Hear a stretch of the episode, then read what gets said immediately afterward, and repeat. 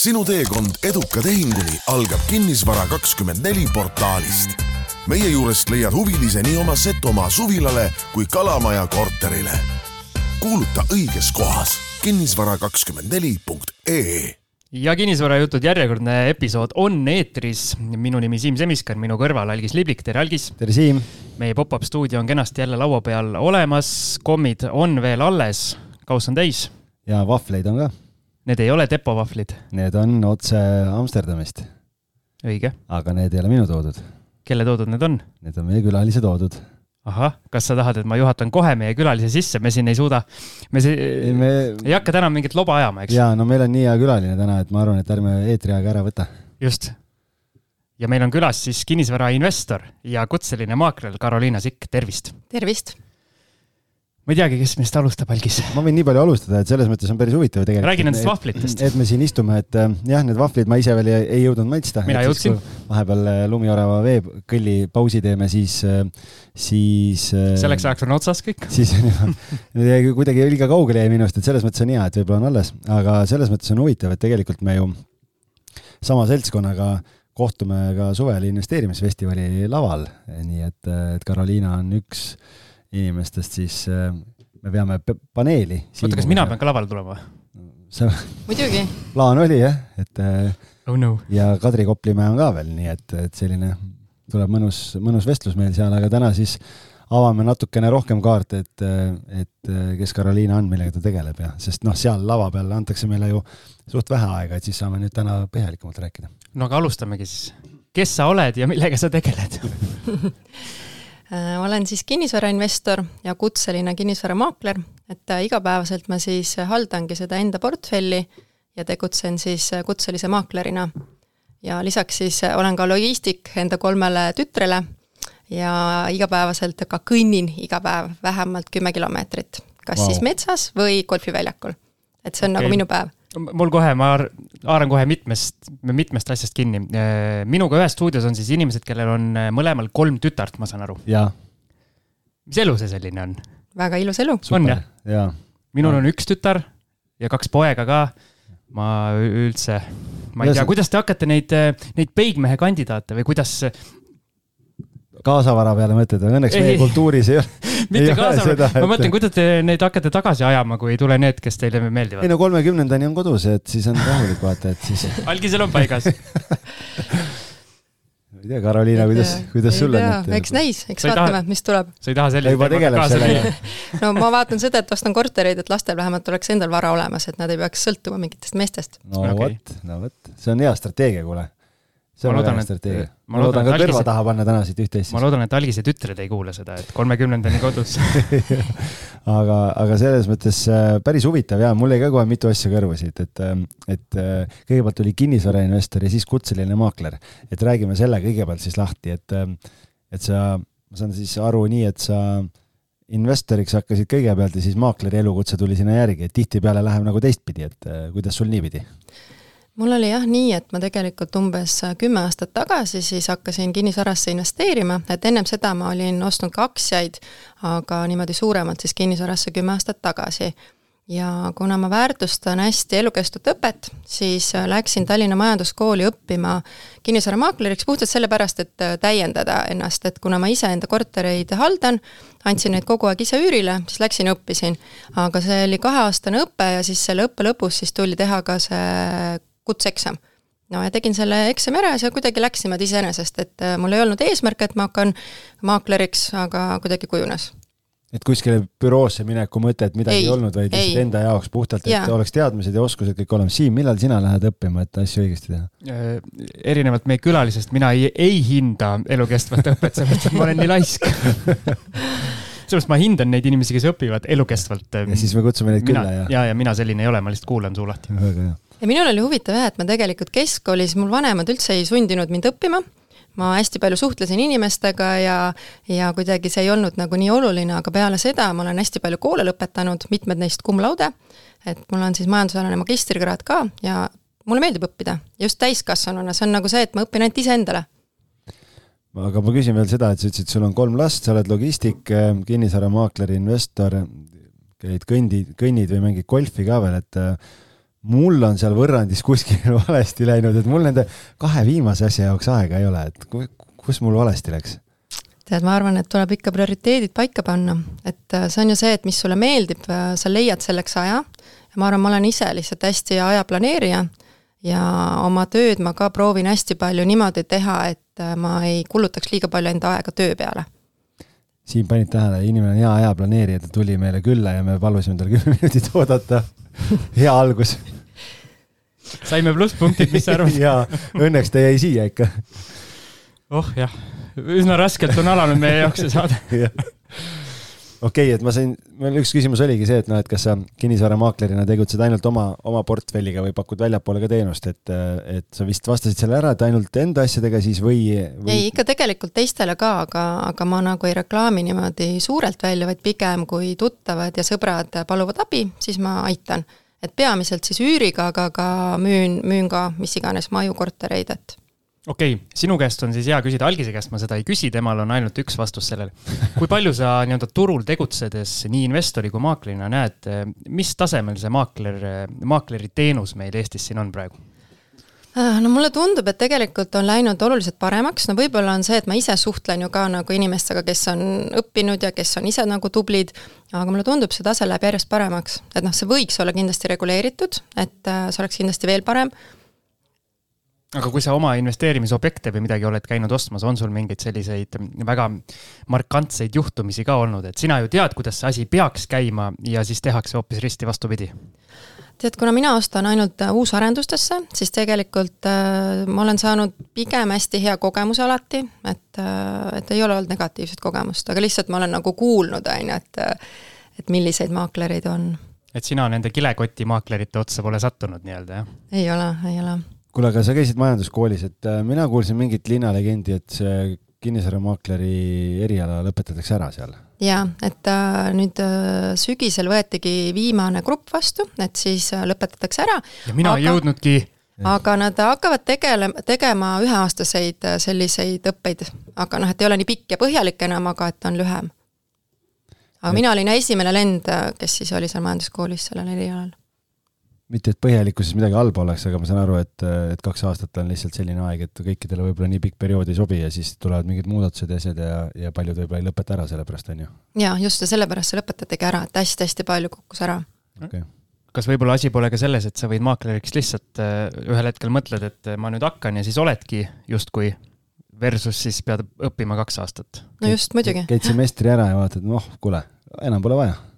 et äh, aga noh jah, selles mõttes nagu müts maha, et tegelikult äh, et, äh, et sa käisid ja, ja õppisid, on ju, ja, ja praegu tegelikult ju on ka kevadine kutseeksami tegemise aeg ja päris paljud kolleegid äh, töötavad selle nimel, on õppinud siin, et, et seda kutseeksamit teha, nii et tervitame kõiki, kellele, kellel see teekond, noh, selleks ajaks, kui saade välja tuleb, paari nädala pärast on, on see kadalipp juba läbi, nii et et loodame siis, et tuleb palju kutsetunnistusega maaklerid juurde jälle. et sel hetkel käib kõva tähistamine, kui meil saade välja tuleb? noh, äkki selleks ajaks on ikka lõppenud juba, aga, aga noh, kes teab.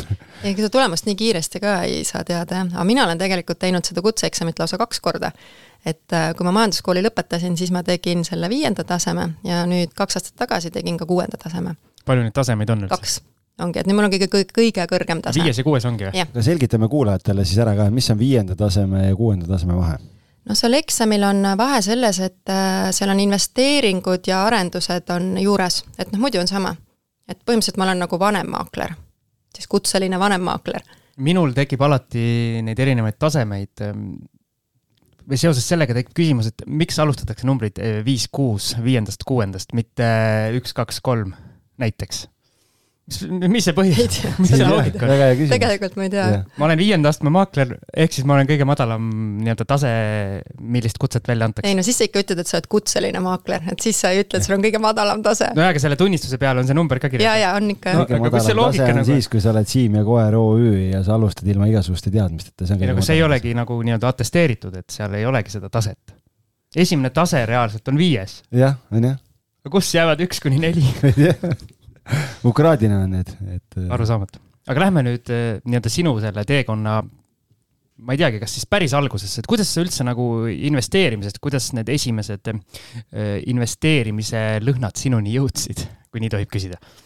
no kui ma aktsiaid hakkasin ostma, siis oli lihtsalt see, et tekkiski, raha hakkas üle jääma ja oh, siis see on, see on küll hea mure, eks et ja siis jah, aga seal kinnisvarani ma jõudsin tänu sellele, et, et ma olin varasemalt andnud siis enda ühte korterit üürile ja ma nägin, et see on nii lihtne, et annad üürile ja selline rahavoog sul tuleb, aga samas sa ei pea ise väga palju selleks nagu aega kulutama.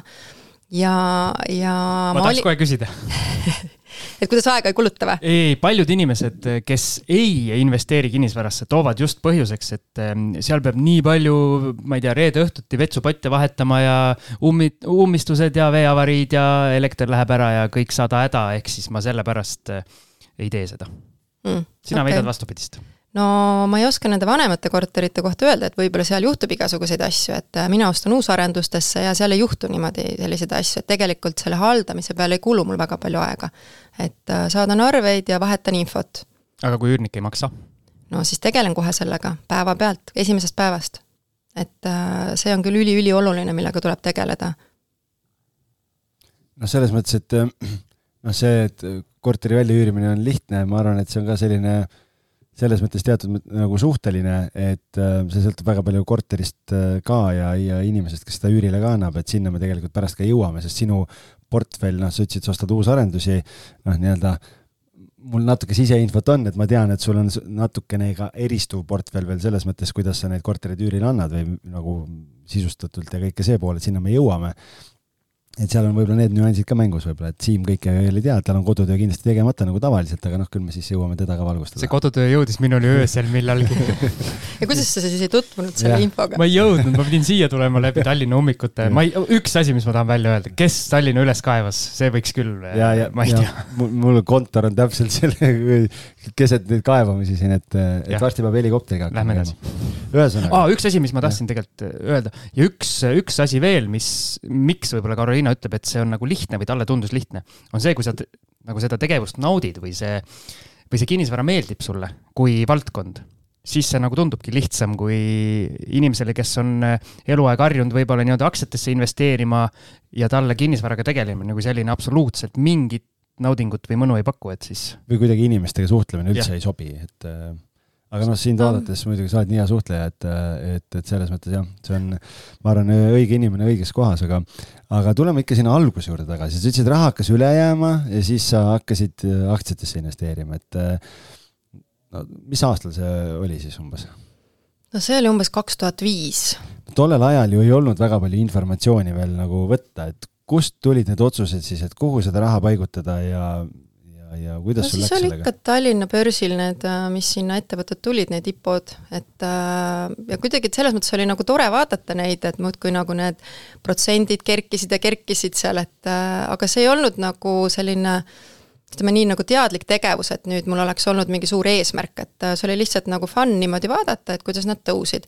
ja noh, muidugi siis tekkisid ka kuidas ma ütlen, et ma investeerisin ühte ettevõttesse, kus ma kaotasin tegelikult kogu selle raha ja võib-olla see ka oli nagu üks põhjus, et äh, miks ma kinnisvarasse hakkasin investeerima, et äh, et ma ei tahtnud anda enda raha enam mitte kellelegi teisele kasutada, just selles kartuses, et ma võin kõigest ilma jääda, et äh, pigem ta on mul seal kinnisvaras, et see on ikkagi asi, mis, äh, mille väärtus ka ajas äh, kasvab, et isegi kui ta vahepeal langeb, ta ikkagi tõuseb nagu uuesti ja ma saan nagu selle rahavoole ise kaasa rääkida ja selle väärtust nagu tõsta, on ju, et, et kuidagi see oli ka üks põhjus.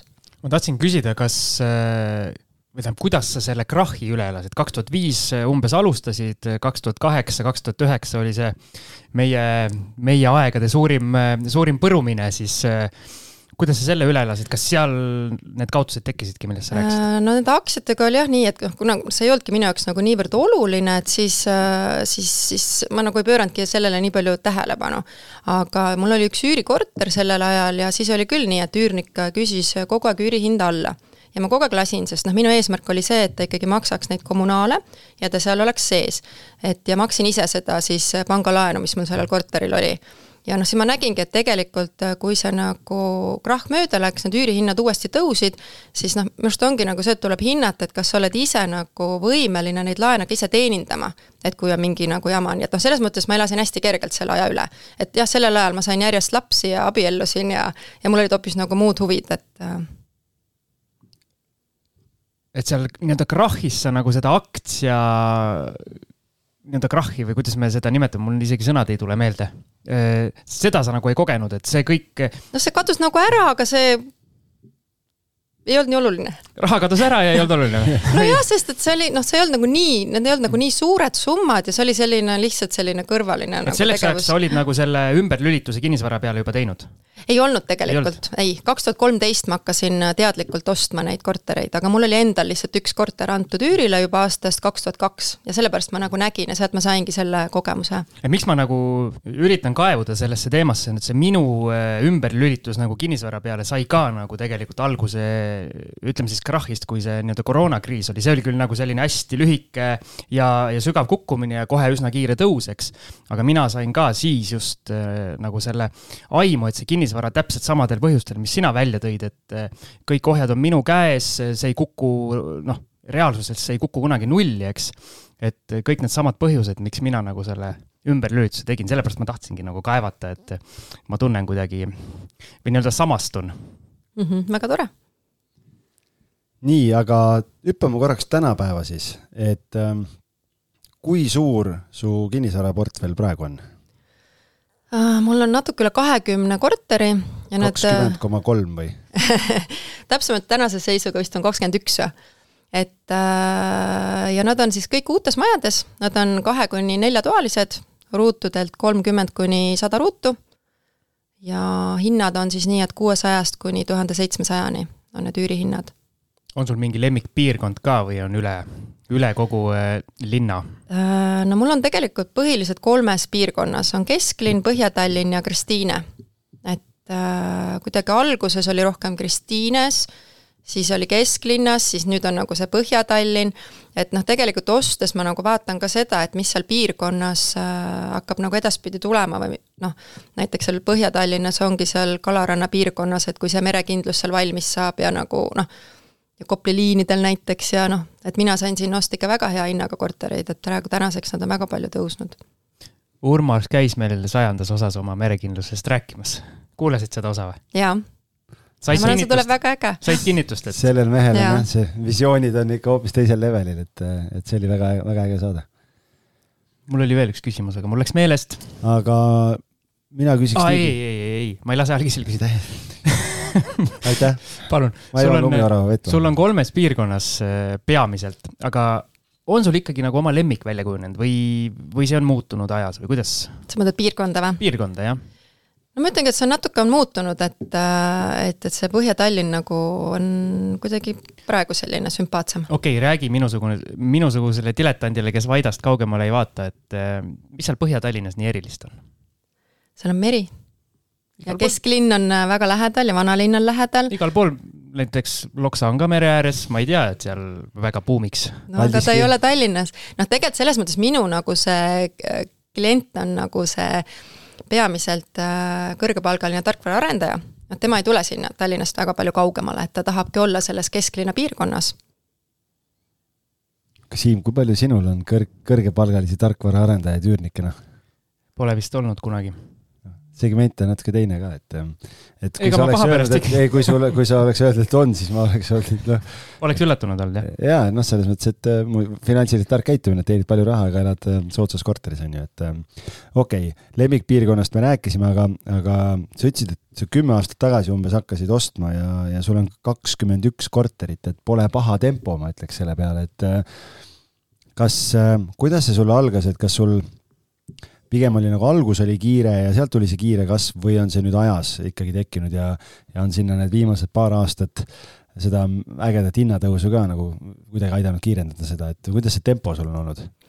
tempo on olnud niisugune, ongi niisugune kaks korterit aastas, kaks-kolm, osasid ma olen ka ära müünud, ostnud väärtuslikemaid kortereid nende eest, et äh, kogu aeg tasapisi, igal aastal. et äh, esimesel aastal jah, kaks, teisel aastal kaks ja niimoodi kogu aeg, samm-sammult aga sa ütlesid, et sul on kolmkümmend kuni sada ruutmeetrit, et noh, meil on käinud siin külalisi, kes keskenduvad ainult suurtele või on äh, valdavalt kahetoalised, et sul on nagu see ampluaa on päris lai, et mille alusel sa valid neid kortereid, mida sa omale ostad, et kas sa vaatad ainult puhtalt tootlust, lisaks siis asukohale, nagu sa rääkisid, et vaatad sa nagu rahavoo baasil tootlust või, või arvestad sa sinna juurde ka siis selle nii-öelda asukohast tuleneva võimaliku väärtuskasvu, kui see, ma ei tea, Kopli liinid ja kõik see pool seal valmis saab või, või see merekindlus, millest sa rääkisid, et mis need peamised argumendid on, mille põhjal siis sa ütled, et oh, see korter nüüd tuleb mulle portfelli?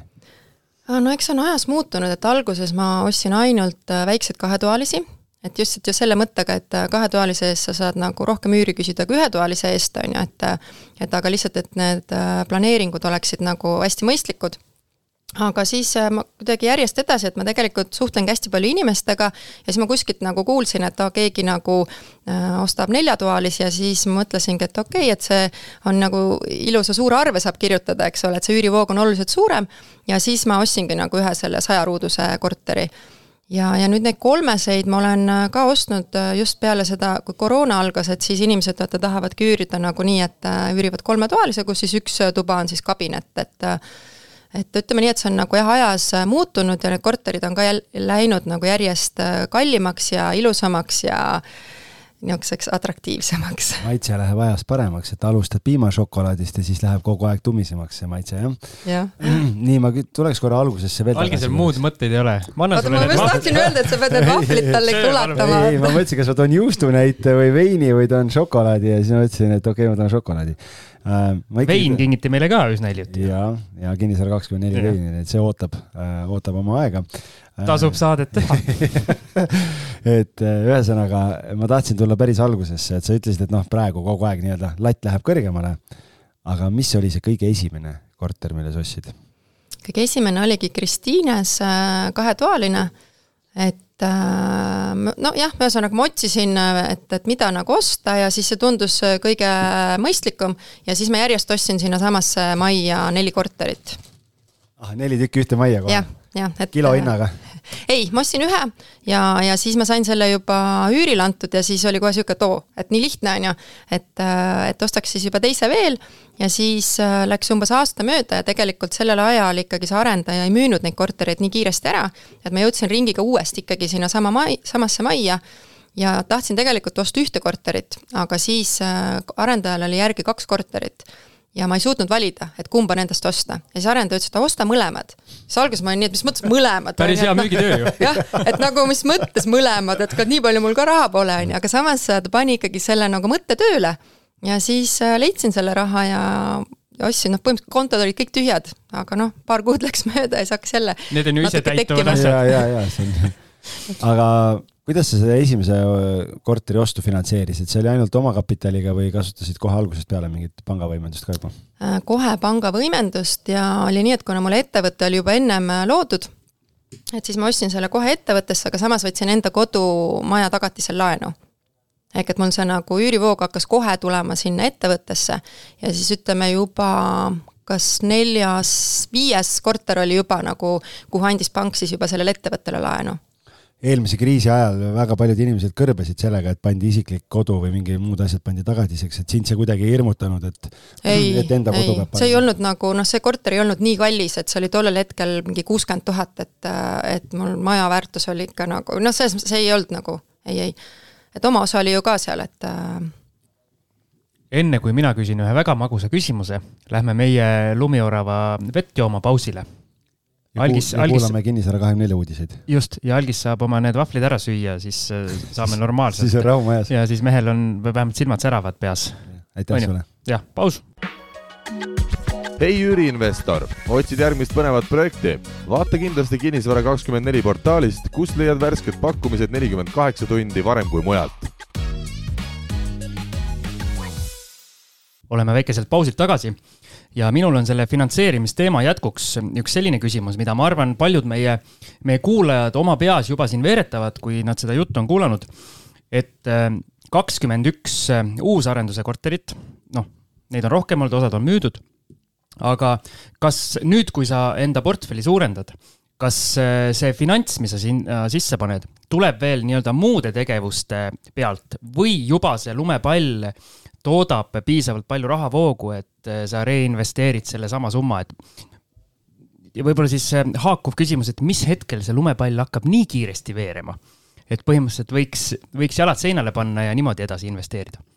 no mõlemat pidi, et äh, jah, veereb see lumepall ja, ja ise tuleb ka ikkagi juurde panna. et äh, jah, neid vahetusi ma olen teinud nii, et kui ma olen midagi ära müünud, siis ma olen kohe kas ostnud kaks tükki uut, pannudki sinna raha sinna oma finantseeringuks või siis ostnudki selle ühe näiteks kahetoalise eest neljase. ja võtnud uue laenu juurde, et noh, tegelikult mul ongi laenu väga palju, on ju, et mul kõik on võimendusega ostetud. oskad sa mingi LTV ka öelda, mis su nii-öelda kogu portfellil on see äh,? Jah, optimistlik on kolmkümmend neli, pessimistlikum nelikümmend see oleneb tänasest siis, seisust. äh, kuidas või mis, mis hinnale sa korterid oled nagu hinnanud jah, et kuidas sa hindad, et äh, mis selle väärtus on? Ostuhinnaga või, või praeguse turuväärtusega või selle hetkega, kui hindamisaktid tehti. Et see on nagu jah, noh, mõlemal juhul väga okei okay ju. ei nojah, jah, et, äh, et mul ei ole jah seda mõtet olnud, et nüüd maksaks kiiresti need laenud tagasi, et äh, pigem ma võtangi, et see on see niisugune kümneaastane periood, et üürnikud maksavad need laenud kinni, mina lihtsalt äh, olen selles mõttes hästi äh, efektiivne, et vaatan, et äh, mul ei oleks korterid mitte ühelgi hetkel tühjad, isegi siis, kui ma teen ära selle asjaõiguslepingu, siis ma hästi kiiresti sisustan selle korteri ära, et ma ei taha mitte ühtegi laenu ise maksta. et noh, see minu roll ongi see nagu hoida seda kõike nagu püsti niimoodi Siim tahtis küsida, aga meil oli mõlemal näpud püsti, siis vaatasime mõlemad mul üksteisele tekkis otsa. äh, mitu küsimust kohe sellega seoses, üks küsimus on see, et äh, et äh, finantseerimise juures veel, et äh, väga paljud inimesed on siin refinantseerinud oma laene nüüd, kui Euribor siin tõusis, vaadanud üle, et okei okay,, et pikendada perioodi, kas sina oled ka selle läbi teinud või sul on nii hästi, et sul polnud vaja teha? ei, ma ei ole jah pikendanud neid, et äh, küll nüüd äh, uued laenud on äh, natukene pikemad, et viisteist aastat, et äh, pank on ise nagu pakkunud pikemat perioodi, et äh, kas äh, kogu su laenuportfell on ühes pangas ja, ja kas aja jooksul on äh, pank valmis nagu paremaid tingimusi ka pakkuma, selles mõttes, et äh, no sa ütlesid, et viies või kuues korter, kui sa said ettevõttele esimese laenu, et kas sealt edasi nagu on järjest tingimused paremaks läinud? no jaa, neid tingimusi tuleb ise küsida paremaks, aga jah, kõik Ei on ühes, kõik, ei, ei ei, ise ei pakuta, aga tuleb küsida. et ja kõik on ühes pangas ja, ja, ja tegelikult noh, jah, pank, mul on väga hea meel, et jätkuvalt annab laenu ja tegelikult äh, nad äh, tahavad anda ja, ja tingimused on ka tegelikult väga head ja ma mõtlen nagu või nagu küsimuse mõte oligi see, et mulle tundub ka, et iga järgneva objektiga, kui sul ikkagi see asi nagu töötab, kui pank ka näeb, et see nii-öelda ärimudelina kõik see töötab, et et siis noh, nagu me siin omavahel ka oleme korduvalt nalja teinud, et pangad tavaliselt tahavad laenu neile anda, kellel seda vaja ei ole. Et eh, mida paremini sa asja tööle saad, seda lihtsam võib-olla on ka kõrvalt seda finantseerimist saada. kindlasti. nii, nüüd ma tulen selle juurde, sa ütlesid, et ühtegi noh, et sa ei taha vakantsi hoida, et kui sa ostad uusarenduse korterit, siis sa tahad selle võimalikult kiiresti välja üürida, siin on tavainimese jaoks võrrandis on juba see error sees, et noh, kui ma saan, käin notaris ära ja siis ma saan võtmed, siis ma saan ju alles hakata kööki tellima. siis ma hakkan alles tähistama no,. jah, jah, õige jah, et on vaja tähistada vaja kõik need jutud et siis ma tellin alles köögid ja mööbli ja siis läheb ju paar kuud aega, et kõik see nagu valmis saaks, et järjekorrad on ja kuidas see sul kiirelt käib, et mis su saladus on seal? noh, see ongi see, et ma hakkan juba varakult planeerima, et noh, selle võlaõigusliku lepingu teen ära, siis on ju aasta-poolteist või nii palju on ju aega. et ütleme, niisugune kolm-neli kuud varem hakkan siis planeerima, et milline köök, millised sisse ehitatud kapid, noh, mul on juba kujunenud oma need partnerid, et äh, ostan kõik need asjad ära, et äh, praegu ka näiteks mul on ühe neljatoalise korteri kogu sisustus põhimõtteliselt on mul garaažis kodus. et äh, ja nii, kui on ära siis notaritehing, asjaõiguslepingu sõlmimine, samal päeval hakatakse kööki paigaldama, samal päeval pannakse sisse ehitatud kapid, järgmine päev kardinad, diivanid, lambid, kõik, kõik, kõik, kõik, kõik, nii et maksimaalselt nädal kulub mul ühe korteri sisustamiseks. vot, Algis, see on aja planeerimine see on tõesti aja planeerimine. ei, ma mõtlen, et, et äh, sa oled notaris ja sul on köögimees kogu köögimööbliga seal ukse taga niimoodi autos ja. istub. ja siis jääb tehing katki. ja sa helistad, nii, nüüd võid minna ja siis nii või? ei noh, selles mõttes mulle ikkagi antakse korter üle, et ma saan võtmed kätte ja noh, samaks kellaajaks ma kutsun juba selle köögitegija. seal on veel väike optimeerimise koht. ma tahtsin öelda, et kahekümnendalt korruselt notarist laseb võtmed alla niimoodi, et püüa, on ju, aga sealt ei saa aknaid lahti, et, et seda, seda ka ei saa teha. aga küsimus on selles, et väga tavaliselt arendaja ei lase inimesi korterisse, enne kui on üleandmine, et mingeid mõõdistusi, mingeid asju, et see on paras peavalu ja kemplemine, et et, et sõltub muidugi arendajast ka, aga ma saan aru, et sul on selle koha pealt hästi, et sa saad siis ikkagi, kui on, kui on, seinad on püsti, kohe lähed, käid, mõõdad ära ja läheb sisend juba köögifirmale välja. Äh, nojah, selles mõttes ma köögifirmaga hakkan asju ajama nagu juba oluliselt varem, et, et mul on ju olemas selle korteri plaan, et äh, ligikaudsed need mõõdud, et äh, mõtleme juba ära, milline see võiks olla, nad teevad selle esmase pakkumise. Ja, ja siis, kui see korter on juba nii palju jah valmis, et, et sealt saab need mõõdud võtta, et noh, seal on küll võib-olla, et põrand näiteks ei ole pandud, on ju, et noh, mingid asjad võib-olla ei ole kõik tehtud, aga ikkagi mina ei tea, mind on küll kõik arendajad sinna sisse lasknud, et ma olen mitmeid kordi käinud siis nagu erinevate nende ettevõtetega üks asi, mis äh, võib-olla see ei haaku praegu selle teemaga, kus me olime, aga ma lihtsalt pean ära küsima. sinu puhul tavaline. jaa, minu puhul tavaline. Äh, kas sa ostsid mõne objekti nüüd äh, selle, ütleme siis eelmise paari aasta jooksul, kui see kinnisvarasse investeerimine ja kinnisvara ostmine oli Eesti rahvasport, ostsid mõne? Jaa, kogu aeg olen ostnud. no vot, nii, ja minu küsimus on nüüd, see on mul natuke selline enda jaoks ka küsitud, et kuidas sa suudad, suudad niimoodi ükskõik mis ajal osta, kui sa näiteks äh, kümme aastat tagasi esimesed objektid ostsid, sa ütlesid kuuskümmend tuhat uusarenduseks. nii, ja nüüd sa ostad, ma ei tea, kui palju raha ühe uusarenduse eest peab üks, välja käima. null on lõpus, kui sa äärudest korterit ostad. aga väga-väga palju, ehk siis, kuidas sa ei ole ennast ankurdanud mingite hindade juurde, nagu mulle tervitame siin meie ühissõpra Algisega, kelle, kellel pikalt oli nii-öelda mõttemaailm selline, et ei no üle kahe tuhande ruudu ma Tallinnas küll millegi eest ei maksa. ehk siis jääbki ostmata no ei tea, no sa ei saa, elu läheb edasi ja selles vanasti mõttes kõik. ja vanasti ju oli sellise hinnaga. vanasti, elu läheb edasi ja kõik läheb kallimaks ja see ongi normaalne ja tegelikult igal hetkel on see korter ostes kallis.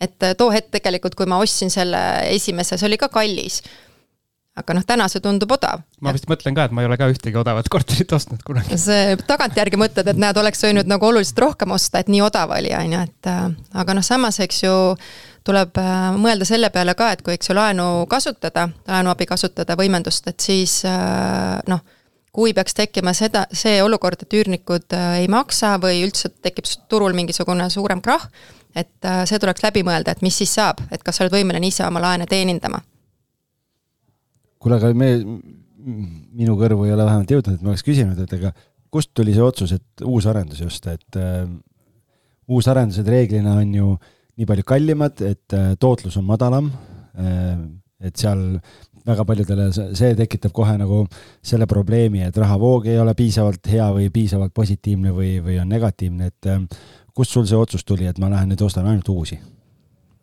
No ma ei tea, no selles mõttes mulle ei meeldi vanad korterid ja isegi kui see korter on seest ilusaks tehtud, sa pead sealt nagu koridoridest, mis on koledad, ka läbi minema, et äh, et ma ei tea, mulle lihtsalt nagu meeldivad need ja ma nagu mõtlesin nii, et äh, nende väärtus ajas võib-olla kasvab natukene rohkem. Ja kuidagi ma tahan anda üürile niisugust ilusat ja head asja ja küsida selle eest nagu kõrget üürihinda. Et äh, jah, kui sa nagu vaatad neid tootlusi, siis jah, sul võib olla nagu palju väikseid odavaid kortereid, aga noh, mina vaatan hästi palju ka seda enda ajakulu, aja planeerimine, on ju. et ma ei taha kulutada liiga palju aega nende korterite haldamise peale. et äh, pigem ma kirjutan neid äh, suuremaid äh, arveid ja mul on ilus rahavoog, aga ma ei kuluta väga palju enda aega. algis tahaks ka suuri arveid kirjutada välja. noh, kuule, kellele ei meeldiks. ma saan aru, et sina ei taha tahan väga hea. aga sinna peab jõudma? siis peabki tulema Vaidast Kopli liinidele. oleks sa seda kakskümmend või kakskümmend viis aastat tagasi öelnud, siis kõik oled, oleks oma autot seal Vaidas äh, lihtsalt äh, süüte välja keeranud, ma ei lähe kuskile, aga nüüd, nüüd küll, jah ja.. nii, aga kas äh, me oleme rääkinud üürimisest, et ma saan aru, et siis kuna sina oled uusarendusi ostnud ja sa oled müünud ka, aga, aga sa nagu nii-öelda flip imisega tegelenud ei ole, et sa oled ikkagi puhtalt üüriinvestor? jaa, ei, ei, ei ole ühtegi flip'i teinud. aga on sul üldse mõni nii-öelda vanem korter ka portfellis kunagigi olnud või ei ole? no mul oli jah, see üks korter, mida ma ise hakkasin välja üürima, et selle ma ostsin aastal kaks tuhat kaks, jah, ma elasin paar aastat Londonis ja tulin tagasi ja siis ostsin selle korteri, see maksis ligi pool miljonit krooni et äh, tegelikult niisugune üliõpilase kohta see oli ikka väga kallis korter. aga ma sebisin selle laenu endale niimoodi, et äh, mul tegelikult jäi ainult sada krooni kuus äh, järgi, endale nagu elamiseks raha. et ja siis noh, ühesõnaga see korter oligi selline, mis oli nagu täielikult sisustatud, ta oli küll vanemas majas, aga see andiski mulle nagu selle mõtte, et miks ise pakkuda edaspidi neid sisustatud kortereid aga jah, see oli nagu vanemas majas, ma omasin seda korterit umbes kümme aastat ja siis müüsin maha aga kas sa said sealt sellest vanast majast siis võib-olla mingi, mingi šoki või mingi, mingi asja, et ei, ei, ei, ei, ma ei saanud šokki, aga, aga tegelikult, kui ma Tallinnasse tulin üldsegi nagu õppima, siis äh, ma elasin üürisin ühte korterit, ma ei tea, kui te teate seda Džingli hotelli seal Männiku tänaval. ma elasin seal Oo. juures, mitte, mitte hotellis samas majas. Kusjuures ma ei tea, kas me oleme sellest rääkinud, äh, ma olen kunagi, ma arvan, ma olin kuskil viiendas, kuuendas klassis, ma käisin seal, äh, seal tööl suvel. Seal see on nii-öelda vanast äh, ühikamajast tehtud, see hotell. ja siis hakati tegema, vist esimesed kaks korrust olid tehtud hotelliks ja ülejäänud, see on vist üheksakordne maja äkki. ülejäänud seitse korrust olid veel nii-öelda vanad ühikatoad, tühjad ja me, me katkusime sealt tapeeti maha ja tegime mingeid selliseid töid, hästi musta asja. sealt sul see armastus ongi tekkinud? ilmselt küll jah, või siis see, ma ei tea ma ei hakka ütlema. no ühesõnaga, see oli nii, et kui ma tulin Tallinnasse, et siis äh, mul vanemad üürisid siis sinna majja mulle korteri. ja juba siis oli tehtud mingi osa seal selleks hotelliks ja, ja pool maja oli nagu kinni pandud, ühesõnaga niimoodi, et lift oli jäänud sinna hotelli poole. ja see oligi siis see üheksakorruseline maja, mul oli vist seitsmendal korrusel see korter. ehk et ma pidin seitse korrust nagu minema sealt rõvedatest hais-, haisvatest koridoridest ülesse, mu enda korter oli väga kena, aga noh, võib-olla tõesti ma sain sealt mingisuguse šoki et äh, aga jah, seal mul tekkis ka selline võimalus, et ma sain mingil hetkel selle korteri endale osta, see ei olnud küll nii, et äh, ma oleks käinud äh, seda tehingut notaris sõlmimas, aga see oli kuidagi, ma sain nagu õiguse osta. et siis ma mäletan, et ma juba selle, mis ma olin siis üheksateist, juba sain aru, et pigem ma tahan selle osta, kui siis see, et ma maksan seda üüri edasi. et, et siis ma ostsin selle ja kunagi hiljem müüsin maha, sain vanemate majas aknad ära vahetada selle raha eest et juba siis nagu natukene see nupp nokkis, et, et ei taha üüri maksta, et pigem oman. Kellegagi just rääkisime paar päeva tagasi, ah nädalavahetusel käisin, käisin sünnipäeval ja siis arutasime seal, et noh, et sul peab ikkagi nagu, et osadel inimestel on see noh, kuidas ma ütlen, nagu soolikas on sees, et noh, et see nagu osadel on see Nossovi soolikas, et sa oled niisugune sündinud ärimees, et noh, iga asja nagu pöörad rahaks, on ju, et kogu aeg igas asjas näed võimalust. osadel on see kinnisvaraga on niisugune, see asi on nagu käpas või, või kellelgi on, ma ei tea, lapse hoidmisega niimoodi, et noh, et äh, inimene tuleb ruumi ja lapsed vaatavad, et nagu vau wow,, et noh, et ja, ja lihtsalt mingi magic on ju. et tundub jah, et sul on see kinnisvara, kinnisvara nii-öelda geen on sees, et, et juba noh, noorest peast. Siim, vaata, kui kaua meil aega läks mm. -hmm. tõsi aga see on hea, et meil külalised käivad ja, ja neil hästi läheb. aitavad meid järjele jah, jah, et äh, nii, kuule, aga sul on oma portfellile eraldi bränd loodud suisa, et ähm, Feels like home in Tallinn, nii et äh, kes tahab näha, kui ilusad korterid Karoliinal on, siis minge vaadake äh,. väga muljetavaldav, nii et ähm, kust tekkis mõte oma brändi üldse luua kogu sellele portfellile? Äh, no tegelikult äh, ma tegin selle ütleme, viis-kuus aastat tagasi mul oli nagu mõte juba siis hakata nagu majutusteenust pakkuma ja siis ma mõtlesin, et kui nagu tuleb see klient, et siis võiks olla selline nagu äge nimi. aga tollel hetkel ma ikkagi ei, ei hakanud seda majutusteenust pakkuma, et siis pigem hakkasingi seda maaklerteenust pakkuma lisaks, et et sealt see tekkis ja siis ongi nii, et ma nagu reklaamin nagu läbi selle brändi siis enda kortereid ja siis maaklerteenust pakun ka läbi selle. okei okay., Siim, sina teadsid sellest brändist midagi enne? ma olen kuulnud jah sest ma olen, minu teada on Carolina kuskil saates veel käinud, ehk siis ma olen kuulnud seda. me, me ei ole jah esimesed, nii et. me ei jõudnudki esimesena. nõutud stuudiokülaline siin. okei okay,, aga sinu eripära, kes nüüd vaatab neid kortereid seal ja mida ma enne ka põgusalt mainisin, on see, et ja mida sa ise ka välja tõid, et su nädalaga kõik on sisustatud, kõik asjad, aga sa ei sisusta lihtsalt nagu niisama ära. aga sa üüridki välja nii, nagu ta oleks lühiajaliseks üürimiseks äh, sisustatud, on mul õigus? Äh, no peaaegu, et, äh, et, et äh, noh, e-, eks enamus korterid mul ongi nagu pikaajalised, on ju, et hetkel on mul kaks korterit, mis on lühiajaliselt välja üüritud, aga on, et jah, pikaajalistes ma teen seda, et ma panen jah, sinna niimoodi, et et kogu siis köögi sisustan korralikult ära, kõik toidunõud, potid, pannid, noh, mis ma siis veel teen, panen sinna selle pesumasina koos kuivatiga, ja noh, ma selles mõttes jah, ma tõesti mõtlen iga selle sammu nagu läbi, et mul oleks või noh, et sellel üürnikul oleks seal hea elada, et oleks kõik asjad seal olemas. et ja, ja, ja noh, võib-olla mis siis veel, et mitte lihtsalt, et ma ei tea, diivan ja laud ja nii, on ju, vaid et olekski hästi hubane, ma tellin näiteks Aliekspressist pildid, raamin need ise ära, panen seina, tekitan sellise hästi hubase korteri ja noh, tassingi sinna kõik lilled ja padjad ja mida iganes, et et, et see üürnik tahaks äh, seda korterit üürida. esimene asi, mis mul praegu pähe tuli, kui mina ehk Siim Vaidast hakkaks sellist asja tegema, siis üürnik ei tahaks seal korteris elada, kui see minu sisustatud oleks. su maitse on nii kehva ma ei tea, ära alahinda ennast. see on mul veres. aga küsimus on selles lihtsalt, et jälle, kui me räägime sellest, et sa ostad Uus-Arenduse korteri, see on kallim, okei okay,, üürid on kõrgemad, aga tootluse mõistes ikkagi vähemalt minu kalkulatsioonid näitavad, et kipuvad olema madalad kui vanematel korteritel. Ja siis sa investeerid sinna veel rohkem sisse ka kui keskmine investor nagu, et kus see loogika on? no loogika ongi see, et äh, ütleme nii, et mul on mingi hulk raha, on ju, et äh, ma panen selle siis äh, sellesse korterisse, kasutan seda panga abi, et laenuvõimendust, siis saan kirjutada väga suuri üüriarveid ja, ja samas mul ei kulu nagu nende haldamise peale nii palju aega et Aga..., et noh, minu loogika ongi see, et mul oleks nagu suur rahavoog ja ma ei kuluta väga palju aega sellele. ma mõtlen sellele, noh, et kui sa paned sinna kõik potid, pannid jukut-tõnnid. see on tegelikult nii väike raha, see on nii väike raha. potid, pannid, jukut-tõnnid, väga hea, see on uus cover on sündinud, et et okei okay,, sa ütled väike raha, noh, kelle jaoks väike, kelle jaoks suur, on ju, et aga, aga küsimus on selles, et kas sa oled ümber arvestanud ka niipidi, et noh, et, et need lisa, see lisaväärtus, mida sa pakud, noh, mis ilmselgelt on, eristub. ma näen, näen ju ka välismaalasi, nad käivad, tulevad, küsivad, et noh, et kas nõuded, asjad kõik on olemas, ma ütlen, et ei ole, et see on pikaajalise üürikorter, et noh, et reeglina leiab selliseid asju korteritest, mis on olnud lühiajalises üüris ja nüüd on nii-öelda lähevad pikaajalisele üürile. et äh, kas sa oled kuidagi arvestanud nagu üürihinna, hinna sisse ka selle, et sul sellised lisamugavused on ja sa selle võrra siis saad veel suurema äh, üüri panna? No ma ei ole otseselt arvutanud, aga, aga ma ikkagi otsin seda klienti, kes on keskmisest kõrgema palgaga ja on valmis mulle nagu rohkem maksma selle korteri eest, jah.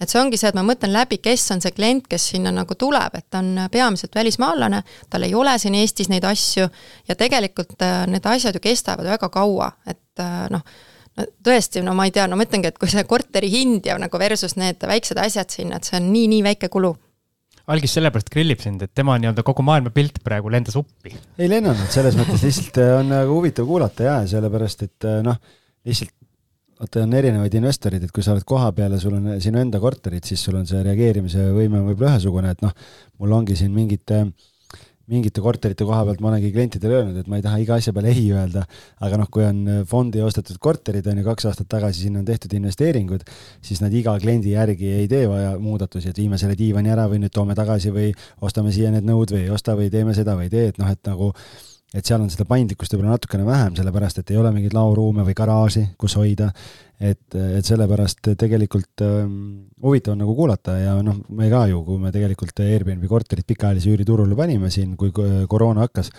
siis äh, näha on, et välismaalastele tegelikult meeldib see, kui korterid on niimoodi, et kõik asjad on olemas, ta tuleb, ta saab kohe hakata elama, et ta ei pea minema poodi shoppama esimese asjana. Isegi minult äh, viimati seal Kehra korteris küsis, äh, küsis siis üürnik, et äh, kas telekat ei ole, kas nõusid ei ole aga see ei olnud ka eestlane või? ei olnud jah. jah, no vot et noh, tegelikult kui ma alustasin, on ju, et see kaks tuhat kolmteist, ma mäletan, et ma hakkasin seda korterit ära sisustama, siis ka see arendaja ütles, et issand, Karol, no sa loll oled, mis asja sa kulutad oma raha. aga mul oli kohe niisugune fiks idee, et ma tahan teha sellist ja noh, ja minu arust mulle tundub, et see on nagu hästi toiminud ja nüüd muidugi ma vaatan, et on väga-väga palju kortereid tulnud juurde, et noh, ma ei tea, kas nendel on ka kõigil need nõudeasjad sees, aga nagu see stiil ja, ja seda sisustatud korterit pakutakse oluliselt rohkem, et ma mäletan, alguses oli nii, et ma põhimõtteliselt panin nagu kuulutuse üles ja mul kohe läks, et noh, võib-olla käiski üks inimene vaatamas ja kohe läks. et nüüd peab ikkagi palju rohkem vaeva nägema, et, et neid pakkumisi on väga palju. ja noh, nüüd mulle isegi tundub, et, et võib-olla on turul üleküllus nendest korteritest, mis on sisustatud, et tuleb nüüd ka inimesi, kes tahavad, et ei oleks sisustatud. Et no mitte küll nüüd välismaalased, aga et võib-olla eestlased, on ju, et noh, ja ma arvan, et kogu see nagu turg on selles mõttes ka natuke nagu muutumas, et et võib-olla ka järjest rohkem eestlasi hakkab korterit üürima, et just, et selle Euribori tõusuga näiteks inimesed ei saagi endale nagu osta korterit, et et tegelikult see protsent, mis Eestis on neid üürikorterid, on tegelikult päris väike. et kui sa võrdled nagu muu Euroopaga, et, et selles mõttes ma arvan, et et tasub ikka jätkuvalt kinnisvarasse investeerida kas siin oleks hea ära lõpetada, aga meil on nii palju küsimusi. aga me võime ühe pausi teha. aa, teeme ühe pausi. teeme ühe pausi ja., jah, mõnus. Siim, mis sa juunis teed? naudin head ilma ja puhkan. väga hea, seitseteist kuni kaheksateist juuni sa ei puhka, sest siis sa oled Tallinnas. miks? sest Tallinnas toimub kinnisvarajutud live-üritus, kuhu tulevad kokku kõik Eesti inimesed, keda vähegi huvitab kinnisvara. Siim Vaidast peab siis ka kohal olema? Siim Vaidast, Algis Assamaalast juhivad seda kahte päeva, nii et sul on töö ots olemas. olen kohal. väga hea, ole sina ka ja rohkem informatsiooni saad kinnisvaraseminarid.ee nii, Algis tahtis juba siin küsima hakata, aga mikrofonid olid veel kinni, palun. Ja mul oli veel selle, selle sisustamise koha pealt ka see küsimus, et sina kui nii-öelda meister ajaplaneerija on ju, et kuidas sul on, et kas sul on. meisterdetektiiv Plonk vist oli kunagi päris hea raamat. ja oli, oli lapsepõlve üks mu lemmikuid. võid jätkata, palun. jah, väga hea remark jälle, aitäh. et, et kas sul on korterid, noh, meil käis skandi.ee käis külas siin on ju mis sa naerad? punkt ee käis külas. punkt ee käis külas meil ja tema, Siimul on, Siimul on hea tuju, väga tore. Aga ühesõnaga, et äh, nendel on ju kõik korterid on enam-vähem identsed, ehk et nad teevad ühte sama käekirja kogu aeg. et kuidas sul on, kas sul on ka nii-öelda Excel on valmis, teada diivanid, teada kardinad, kõik asjad, kõik on üks ja sama kogu aeg, nagu Mark Zuckerbergil, et särk on hall kogu aeg, et ei pea hommikul mõtlema selle peale, mis ma selga panen. või sa ikkagi jätad natukene sellist äh, vastavalt korterile nagu touch'i ka sinna sisse? No ei, igal korteril on ikka oma touch, aga see põhi-basic on ikkagi sama ja need, äh, keda ma kasutan, neid äh, partnereid, kes siis kööke teevad, sisseehitatud kappe, kardinaid, diivanid, et noh, need on jah samad, aga ma lihtsalt nagu vahetan neid, et oleksid natukene nagu erinevad need äh, sisustused. mul on selline küsimus vakantsi kohta, et kas, kas sa arvad või on sul kuidagi mingit äh, nii-öelda tõestuspõhist äh, nii-öelda mul on sõnad täiesti kadunud täna. ühesõnaga, kas sa oled aru saanud, et see täielik sisustamine ja uusarenduste korteri, kogu see kombo, see aitab sul nii-öelda vakantsi selles osas ka vähendada, et inimesed, kes sinu juures üürivad, üürivad kauem võib-olla kui keskmise investori korterites? ei, ma ei arva seda, et nad üüriksid äh, kauem, et äh, tegelikult äh, ma teengi ise ju tähtajatud lepingud, et minu jaoks oluline, et ta üüriks hästi kaua. et ja noh, isegi kui ta tuleb, ma ütlengi talle, et ta võib olla täpselt nii kaua, kui ta tahab, et ma ei sea talle seda piirangut, et ta peab olema aasta. et et, et mina, kuna ma ise olen, eks ju, kutseline maakler, siis ma otsin äh, uue üürniku ja see ei ole oluline. aga seal sul on ka kogu see tegevus nii optimeeritud, et üks kolib välja ja teine kolib tema asemele kohe? jaa, absoluutselt, et nii kui ta teatab, et hakkab ära minema, siis äh, hakkan kohe uut äh, üürnikku otsima, käin näitamas ja noh, tegelikult mul on kõikide üürnikega nagu hea suhe, et ma käin ise keset päeva näitamas neid, et ilma, et nemad oleksid seal kodus, et noh, siis sellel uuel üürnikul on ka ju palju mugavam nagu vaadata ja et ei ole seda teist inimest seal samal ajal. ja noh, kindlasti alati mul on uus leping sõlmitud ennem, kui vana ära läheb, et see on niisugune päeva, päevavahetus ja siis minu jaoks veel üliülioluline asi on tellida vahepeal professionaalne koristaja sinna korterisse. et, et see on ka hästi oluline, et ma tahan, et need korterid säiliksid ilusad. Ja kui ma näiteks ise, no nüüd just oli, ma andsin ühe korteri üürile, vaatasin, et issand, et seal on nagu diivan läinud nii tupsuliseks, et äh, ma ise vahetasin ära selle, et, äh, et ma ei taha, et minu korteril on koledad. Ma tahan ilusat asja pakkuda ja küsida palju raha selle eest sest mulle tundub, et kui ongi täiesti sisustatud kuni, kuni nõudeni välja, siis inimesel on väljakolimine nagu kergem, kui hakata kolima välja üürikorterist, kus ta tegelikult päris palju asju on ise nagu soetanud. no muidugi, jah. mis vana diivaniga, läheb Marketplace'i või prügimäele? no ma mõtlesin, et ma panen kuulutuse üles, et, et annan ära, aga siis hoopis mul endal üks partner, kes, kellelt ma tellisin sinna korterisse kardina, et tahtis seda endale. et siis saime hea diili teha Win-win. mul oli mingi küsimus, äh, ma mõtlen, aa, see vakantsi ja, ja selle lepingute kohta, et äh, näed, Siim, järjekordselt saab kinnitust, et ikkagi tähtajatud lepingud, nii nagu äh, mina ka olen soovitanud, et tähtajatud lepingud on magic ja see on ikkagi pigem haruldane, kui tekib vakants, kui noh, üks üürnik välja kolib ja teine sisse kolib, sellepärast et reeglina tähtajatu lepinguga on ju see, et üürnik annab teada, et ma soovin lahkuda ja kas saab kiiremini kui kolm kuud ja siis ongi see, et kui saad kohe hakata otsima, siis sellest hetkest, kui uus leping hakkab kehtima, lõpeb vana leping ära, et tegelikult see on magic. Et väga paljud omanikud arvavad, et tähtajaline leping on see hea võluvits, et ma hoian seda üürnikku seal kinni, aga kui tal on ikkagi vaja minna või kui ta on kehva maksekäitumisega, siis ega see tähtajaline leping ei päästa ja seda lep-, lõpetada on oluliselt keerulisem kui, kui tähtajatud. ja, ja noh, tegelikult äh, tuleb ikka inimene olla, et kui inimene tahab nagu ära minna, kui sul on isegi tähtajaline tehtud, et sa tegelikult ikkagi leiad selle kompromissi, on ju, aga noh, mina jah, tõesti kõik enda lepingud teen tähtajatud okei okay,, sul on äh, väga ilusad korterid, siis sa ütlesid, et sinu peamine üürniku segment on välismaalane ja IT, IT, mitte miljonär, IT, IT-spetsialist, jah. peaaegu miljonär. peaaegu, peaaegu IT-miljonär, tulevane IT-miljonär. ja minu küsimus on, et kas sul on mingeid huvitavaid seikasid ikkagi üürile andmises ka selles osas olnud, et tulnud mõni inimene, kes sinu nii-öelda korterisse üldse ei kuulu, tuleb näiteks Äh, ülehindab oma võimeid või midagi või, või juhtub midagi muud naljakat või?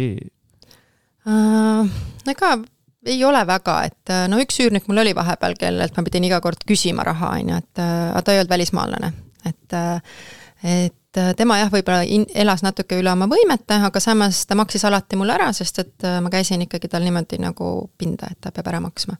Läksid kohe ukse taha või? Ei, ei, lihtsalt helistasin ja kirjutasin ja, ja noh, et, et selles mõttes ma ei lase kunagi, et, et jääb mingi üks kuu üldse maksmata või et maksad järgmine kuu kahe kuu eest või et noh, minu jaoks on see äri, et ma ei saa seda teha niimoodi, ma ei anna lihtsalt mingit ühte korterit üürile, et vahet pole, kas ma sealt saan või ei saa. Okei okay,, lähme väga konkreetseks, oletame, mina Siim Vaidast üürisin sult korteri, neli-viis kuud on kõik hästi läinud ja siis kuuenda kuu üür on äh, ma ei tea, millal sul see tähtaeg on tavaliselt, maksetähtaeg? esimene. esimene, nii, oletame esimese õhtu kakskümmend kolm, viiskümmend üheksa üüri ei ole laekunud, mis su järgmised tegevused on? siis äh, järgneval hommikul saadan kirja, et ole hea, vaata üle, et mul ei ole laekunud see. kui mina ei vasta, näiteks? no kui sa ei vasta, siis ma helistan sulle ja selles mõttes, ma ei tea, mul ei ole seda nagu kogemust, et, et inimene nagu kaob ära või ei taha, sest noh, ma arvangi, et nende inimestel, kes üürivad endale kallimaid korterid, nad on juba nagu natukene intelligentsemad või noh, ühesõnaga nad, nad ei, noh, nad ei ole sellised. et noh, et, et ma ei ole nagu olnud sellist halba kogemust. et kui midagi juhtub, siis, siis reeglina ikkagi unustatakse ja, ja on kohe korras või isegi ei unustata ei no muidugi on juhtunud, et unustatakse mingi lihtsalt maksmata, siis sama päev kohe makstakse ära, jah.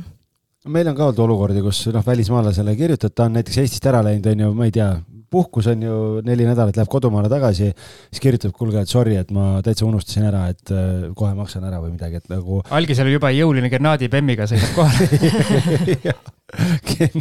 jah. ei no aga kui vaja, siis ma läheks ukse taha ka, et noh no,. sina oled nii valveolekuga, et ma tahaks seda olukorda näha kuidas sa lähed seal. sa pead, sina pead küll selle jõulise Gennadi kaasa võtma, kelle Siim just välja mõtlesin, et. aa ei, tegelikult mul tuleb meelde, et ma ühe korra küll olen läinud äh, ukse taha Äh, oli selles vanas korteris, mis ma siis üürisin välja, oli küll selline lugu jah, et et tulid ühed noored ja ei maksnud ja, ja siis ma ajasin nad noh, selles mõttes välja, palusin lahkuda, et pange võtmed postkasti ja ma tulen vahetan lukud ära ja noh, selles mõttes ma nagu olin ka ikkagi hästi kohe konkreetne. ja noh, seda nad tegid, nad panid võtmed postkasti, aga need jäid mulle natuke raha võlgu. ja siis ma vaatasin, et aa, et nendel oli lepingus pandud seal aadress on ju, siis selle poisi nagu ema aadress oli, et seal Õismäel elas ja läksingi ukse taha, ütlesin, et teie poeg on mulle veel võlgu, aga see oli nagu äh, vene rahvusest naisterahvas, kes siis saatis mind nagu kuu peale, ütles, et sina ise oled võlgu minu pojale.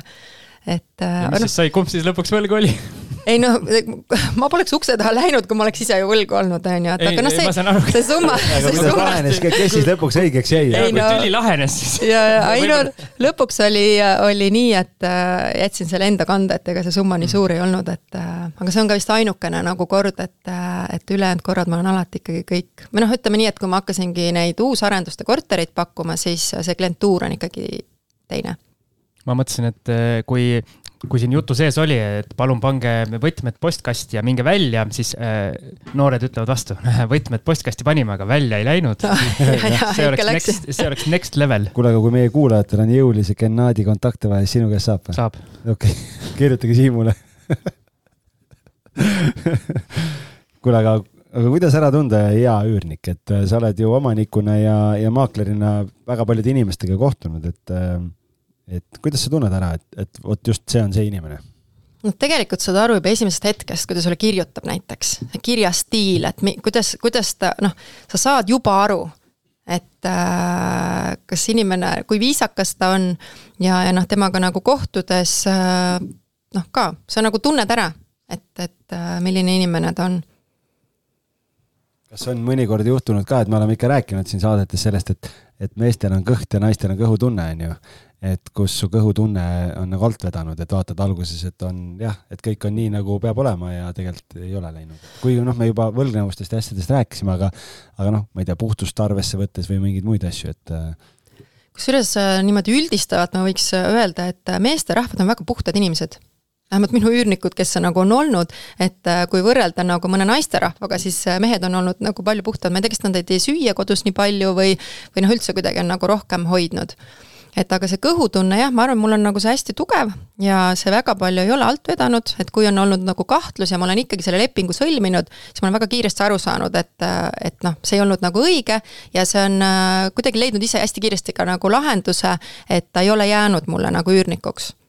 Meil siin saadetes on, on läbi käinud see, et kuskilt sealt nii-öelda idamaadest tulevad üürnikud tihti ütleme siis lagastavad selle köögi oma, oma toidu tegemisharjumustega ära, et kas sul on ka mingid, mingid riigid, kelle esindajatele sa ei üüri lihtsalt nendel samadel põhjustel? ei ole. ei ole, jah? kuidas sul lemmikloomadega? ei luba ma tean, et sina lubad, on ju, ja aga mina ei ole lubanud, sest äh, niikaua, kui ikkagi seda klientuuri nagu jagub, siis ma ei taha iseendale peavalu juurde tekitada. et ühe korra mult on nagu palutud nuttes, et palun luba meid kassiga. siis ma jah, lubasin, me panime kõik lepingusse sisse, jah, nad maksid kõik kinni, aga minu nagu aeg kulus sellele, et ma pidin ära vahetama toolid, ma pidin ära, ära vahetama kardinad et äh, ma lihtsalt ei taha sellega tegeleda, et äh, jah, ühel hetkel, kui mul nagu ei ole seda klientuuri ja mul on korterid tühjad ja mul on vaja, et keegi neid laene maksaks, siis äh, jah, võib-olla ma muudan oma arvamust. aga tänases seisus ma ei ole tahtnud seda endale kaela võtta. okei okay,, lemmikloomadega ei luba, aga armukesega lubad? Kus ma tean, kes, kellel on? sa ei küsi seda? Et siin tavaliselt küsib oma et kes, aga tegelikult on ka huvitav, et minu korterites ei ela üldse pered selles mõttes pered, suured pered, vaid on üks-kaks inimest maksimaalselt igas korteris. ka suurtes? jah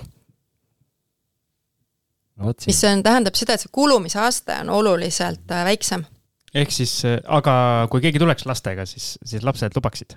Äh, no ma olen lubanud jah, aga ausalt öeldes tegelikult pärast olen näiteks nagu kahetsenud, et kuna ma tahan, et need korterid säiliksid ilusad, siis peab seal natuke nagu noh, seinu värvima ja tegema nagu selle ikkagi uuesti kenamaks jah, sest lastel on komme on, lõhkuda asju. Nad isegi ei pea tegema midagi. Nad lihtsalt on. Ja, ja asjad lagunevad. Ümber. ei, ma ei tea, eks see oleneb, et mul on ka kolm last kodus, et äh, ma ei tea, ei midagi ei ole Aga nagu lagunenud äh, olnud. et selles mõttes et meil on natuke lihtsam võib-olla, et meil on tüdrukud, et tüdrukutega on natukene ah, teistmoodi. Nagu minul kõik laguneb. Kõik laguneb ümber lihtsalt. Maja, et oled, oled ühistud maja püsib veel püsti, aga kõik, kõik muu on ümber lagunenud no väga hea, et siis äh, tervitame kõiki, kelle tütred on. tervitame. ma ei tea, minul on, minul on tüdruk kõige suurem lagundaja, nii et ma ei tea, millest te räägite okay.. nii, kuule, aga finišisirge juba paistab, et äh, oled sa enda jaoks mingi sellise kaugema postulaadi ka paika pannud, et äh, mille pärast, mille nimel või kui kaua äh,, miks sa seda kõike teed, mis see kaugem eesmärk on? Noh, ütleme nii, et ma ei ole seadnud endale mingeid äh, tohutuid eesmärke, et ma tahan, et mul on nii, nii, nii palju neid kortereid, et äh, pigem ma lihtsalt äh, tahan, et mu elustandard säiliks. mulle meeldib, et ma saan elada selles mõttes sellist vaba elu, et mul on palju vaba aega ja mulle meeldib, et see üürivoog on selline piisavalt suur ja ma saan tegeledagi enda hobidega, oma perega, et ma tahaks, et see nagu säiliks ja pika, pikaajaliselt nagu piisav põhjus algis. väga piisav, aga sind võttis sõnatuks kohe, ma saan aru, jah? ei, ma ootasin su reaktsiooni lihtsalt, mida ei tulnud. et noh, tegelikult jah, võib-olla võib ka mõelda, et, et äkki enam ei ostaks ja, ja tegelikult selle portfelliga saab, saab ilusti nagu ära elatud küll. aga, aga samas päris tore on nagu tegeleda sellega, et, et selles mõttes mulle meeldib, et ma ei tee seda kindlasti nagu raha pärast, et kunagi mul ei olegi olnud nagu raha eesmärk, ma lihtsalt teen seda, mis mulle meeldib ja siis kuidagi raha ise tuleb minu juurde. aga kuidas sa nii-öelda kui sul ikkagi see nii-öelda pikem visioon on äh, portfelli suurendada, et kuidas sa hoiad nendel uusarendustel nagu pilku peal, et, äh, et oleksid õigel ajal õiges kohas, äh, napsaksid õiged korterid juba eos ära, et kas seal on ka mingi, mingi tööde järjekord või tegevuste järjekord, mida sa teed?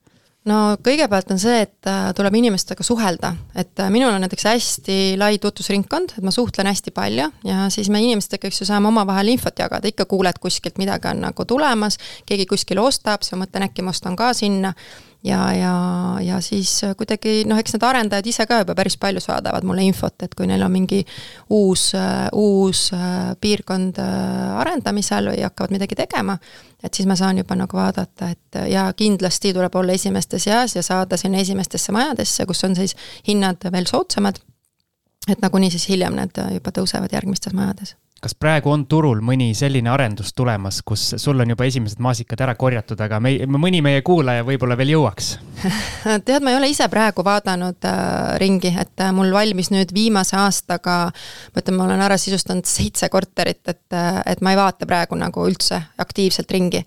et äh, jah, aga noh, kui midagi keegi pakub, siis, siis küll, aga hetkel ma ei oska midagi jah, niimoodi. seitse korterit aastaga, Siim, uusarendustes noh, see oli see, et ma osasid, eks ju, müüsin ja ostsin, ostsin uusi ja selles mõttes nagu lihtsalt, et aasta jooksul seitse on jah, päris palju sisustada. väga äge. Siim, lõpuküsimused. võta, need on sinu maasi- või need sinu äh, beebid või mismoodi me nimetame? minu vahvlid on need. jah, vahvlid on niikuinii sinu omad, küsimused on ka no kuna meie kuulajate hulgas on väga palju alustavaid või, või selliseid neid, kes mõtlevad või, või on alles alustanud, et äh, mis on võib-olla sellised peamised õppetunnid, mis sa selle kümne, kümne aasta jooksul oled saanud või mida, või mis on need nõuanded, mida siis annaks neile? et äh, millest nad võiks õppida võib-olla või mis vigu vältida, oled sa üldse mingeid vigu ka teinud selle kümne aasta jooksul? ei, no kes see siis, mina küll vigu pole teinud, on ju. ei, ma ei, ma ei, ma ei ole väga jah, palju vist teinud, et äh, pigem on see, et kogu aeg sellega ise nagu sees olnud, ise selle asjaga tegelenud, et äh, et noh, võib-olla soovitus ongi lihtsalt see, et äh, hakake pihta tasapisi ja ja noh, selles mõttes ei tasu nagu heituda, kui kui eks ju, vahepeal need äh, laenumaksed lähevad suuremaks, et äh, tuleb nagu vaadata seda pikemat perspektiivi, et äh, kinnisvarasse investeerimine on pikaajaline ja, ja teedki seda niimoodi tasapisi, et ja noh, mõtledki läbi, kes on su see klient, on ju, et teed selle korteri temale ja mõtledki, et teed hästi efektiivselt, ei, ei jokuta selle sisustamisega, paned hästi kiiresti nagu üüriturule, et äh, jah, noh, ja kes võib-olla nagu kiiremini tahab oma portfelli kasvatada, et noh, siis võiks äh, võib-olla mõelda ka nagu majutusteenuse pakkumise peale. et minul on ka need kaks äh, korterit, äh, nüüd tuleb kolmas veel, kus ma siis pakun seda lühiajalist majutusteenust, et, et noh, selle, selle kaudu on siis ju võimalik natuke nagu kiiremini oma portfelli kasvatada, aga noh, kindlasti tuleb seal arvestada sellega, et sa pead oma aega sinna rohkem panustama et äh, ma ütlengi, et kui mul on need paarkümmend korterit nagu pikaajaliselt välja üüritud ja nüüd need mõned korterid lühiajaliselt, siis noh, põhimõtteliselt nende pikaajalistega mul ei ole va nagu vaja väga palju midagi teha. et aga selle nagu lühiajalisega ma pean olema nagu kogu aeg online on ju olemas, et, äh, et noh, kuigi eks ju, mul on seal ka tehtud süsteem, et äh, ma ei käi võtmeid andmas, mul on koristaja seal, kes tegelebki koristuse, pesudega, kõigega, aga lihtsalt mina ise haldan neid kortereid. Ja selle lühiajalise teemal meil on plaanis üks väike boonusosa teha jah, seal me võiksime siis äh, rääkida sellest äh, maksupoolest, et äh, miks mina just ka hakkasin sellega tegelema. algis, kus saab kuulata? Patreon.com kaldkriips kinnisvarajutud on see koht ja tegelikult lühiajaline üürimine, uusarendused ja käibemaksu teema on nagu hästi oluline, et väga paljudel investoritel tekibki see hea tootluse koht sealt, et kui, kui lühiajalise üürimisega tegeleda, siis see on käibemaksuga maksustatav tulu, mis tähendab seda, et sealt saab siis uusarenduse korteritel käibemaksu tagasi küsida ja sellest, nendest nüanssidest me siis seal boonusosas räägimegi. just. aga aitäh sulle, et sa tulid. mul on tegelikult üks küsimus tekkis veel, kui ma tohin, võib või? no ikka. enam ei tohi meil on, no nagu Algis ütles, selliseid alustajaid päris palju ja me saame omajagu ka tagasisidet, et, et kuidas või nii-öelda, kuidas samastuda just sinusuguse investoriga, kellel on äh, kakskümmend üks uusarenduse korterit, aga minul on praegu null. et kuidas ma saan ka nagu nullist kahekümne üheni, et äh, ma nagu ei suuda hoomata üldse seda, see on liiga keeruline, et ma ei viitsi, ma vaatan Tantsud tähtedega hoopis. ei no mõtle niimoodi, et äh, võta lahti need arendajate koduleheküljed, otsi sealt, mis on tulemas vaata nagu mingi korter näiteks sealt välja, sa sõlmid selle võlaõigusliku lepingu, sa maksad kümme, viisteist, kakskümmend protsenti sisse ja siis, äh, siis see korter valmib sul alles võib-olla aasta-pooleteise pärast. sul on nii kaua aega seda raha koguda. ja siis mõtle, et äh, kas sa saad kasutada võimendust ja hakka vaikselt tegema ja noh, samas muidugi sulle peab ka nagu meeldima sellega tegeleda, on ju, et, et, et minul on lihtsalt ongi see, et mulle lihtsalt meeldibki teha seda. ehk siis äh, nii-öelda sinu see jutu mõte on ka, et ikkagi ühe korteri kaupa jõutakse kahekümne üheni. muidugi, ma ju ka alustasin ühe, esimesest ühest korterist, et, et ega selles mõttes tollel hetkel mul ei olnud ka mingeid tohutuid nagu rahamägesid, on ju, et et midagi nagu oli ja siis äh, samas sa lõpuks nagu leiad, et äh, ma ka müüsin nagu mingeid suuremaid asju maha ja kogu aeg olen nagu panustanud sinna. et äh, need viisid ikkagi alati nagu leiab. super. väga hea julgustust alga, algajatele ja alustajatele. hakake tegema lihtsalt kuskilt otsast.